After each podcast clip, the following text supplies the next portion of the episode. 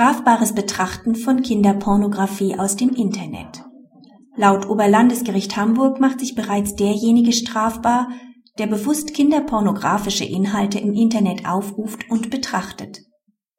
Der Entscheidung lag der Fall eines Internetnutzers zugrunde, der gezielt Seiten mit kinderpornografischem Inhalt im Netz aufgesucht, die dort vorgefundenen Bilder aber nicht auf eigene Datenspeicher kopiert und so dauerhaft für sich gesichert hatte.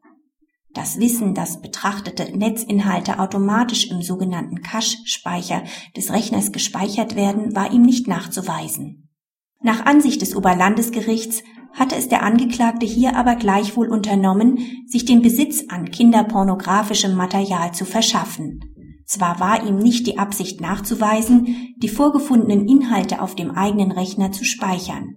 Nach Auffassung der Hamburger Richter lag eine ausreichende Besitzerlangung im Sinne von 184b Absatz 4 StGB hier aber nicht schon darin, dass die Daten zum Zweck des Betrachtens automatisch auf dem Arbeitsspeicher des Rechners gespeichert wurden.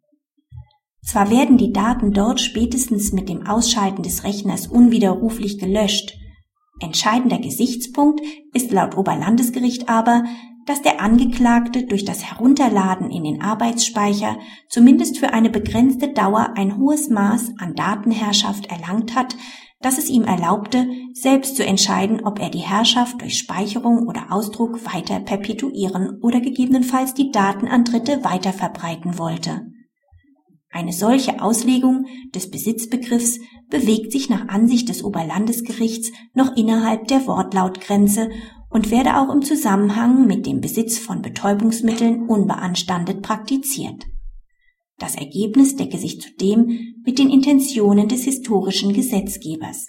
Dieser habe mit der Schaffung des Tatbestands die weitestmögliche Vorverlagerung des strafbewährten Rechtsgüterschutzes bezweckt. Kritik ob 184b Absatz 4 Satz 1 StGB tatsächlich bereits durch bloßes Betrachten kinderpornografischen Materials auf einem PC erfüllt werden kann, ist umstritten. Viel spricht dafür, hierin anders als das Oberlandesgericht Hamburg nur die bloße Möglichkeit zur Erlangung der Sachherrschaft, aber noch nicht die Sachherrschaft als solche zu sehen